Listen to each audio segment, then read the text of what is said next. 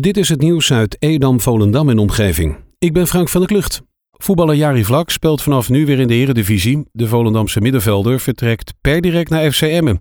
Vlak, die afgelopen vrijdag tegen RC Cambuur al niet meer tot de selectie behoorde, tekende bij de Drentse club een contract van 2,5 seizoenen.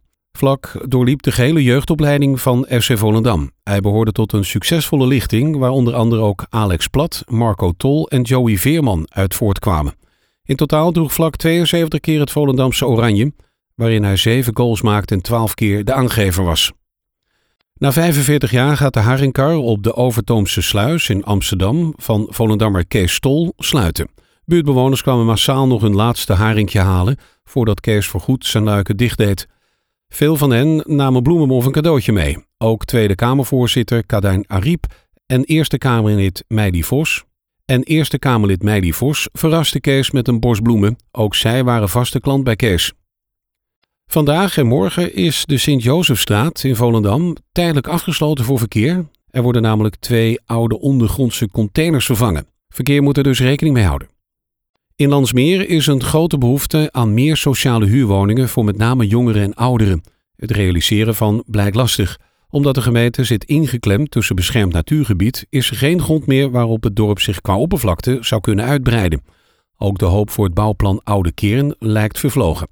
Woningcorporaties Rogdaal en Eigenhaard zijn eigenaar van de voormalige verzorgingscomplex de Oude Kern en zouden hier graag nieuwe sociale huurwoningen realiseren.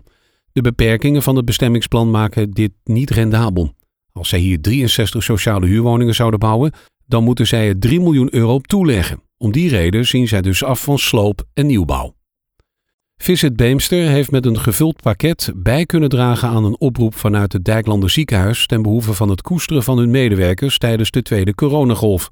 Anders dan tijdens de eerste coronagolf merkte het Dijklander ziekenhuis minder betrokkenheid vanuit de maatschappij.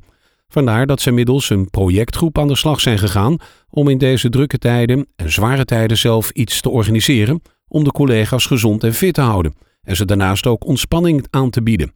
Samen met een aantal Beemsteren en sponsoren is het Visit Beemster gelukt om aan deze oproep gehoor te geven.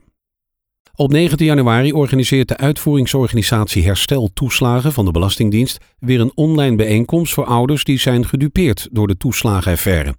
Tijdens dit webinar wordt teruggekeken naar wat er afgelopen maand is gebeurd.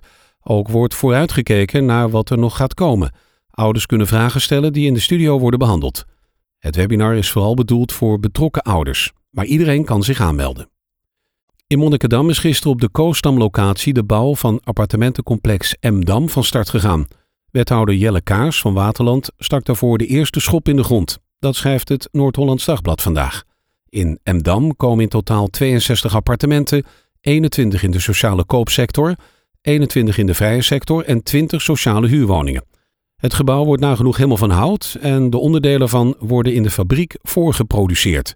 Daardoor kan het hele complex in vijf maanden worden gebouwd. De koopwoningen zijn allemaal verkocht aan inwoners van Monnikendam of andere kernen in de gemeente Waterland. De gemeente Purmerend heeft niet meer de langste wachtlijst voor een sociale huurwoning. Het is weliswaar nog altijd 12,5. Het is nog altijd wel 12,1 jaar voordat iemand die ingeschreven staat ook daadwerkelijk een huurwoning krijgt. Maar in de gemeente Waterland is dat inmiddels ruim een maand langer, 12,2 jaar. Dat blijkt uit onderzoek van bureau Riga in opdracht van de provincie Noord-Holland. De onderzoekers hebben de wachtlijsten uit 2019 van de verschillende regio's en gemeenten en de provincie geanalyseerd. Wie een huurwoning in Landsmeer wil bemachtigen, staat gemiddeld 9,4 jaar op de lijst. Voor Edam-Volendam is dat 9,7. Sinds begin januari zijn op de eerste verdieping van het voormalige Kaaspakhuis aan de Voorhaven in Edam diverse inwoners bedrijfsmatig actief. Naast de Stadskrant heeft uitgever Ron Smits zijn bedrijf LM Publishers ook gevestigd. Ook het grafisch bureau Graphic Box, muziekprogrammeur en organisator Frank van den Berg en Jelle Glas internationaal salesmanager voor een nautisch bedrijf uit Antwerpen. Ze hebben daar allemaal een werkplek. Op de begaande grond wordt uiterlijk 1 maart een interieur- en cadeauwinkel geopend met langspeelplaten en pick-ups. Tot zover het nieuws uit Edam, Volendam en omgeving. Meer lokaal nieuws vindt u op de Love Kabelkrant, onze website of in de app.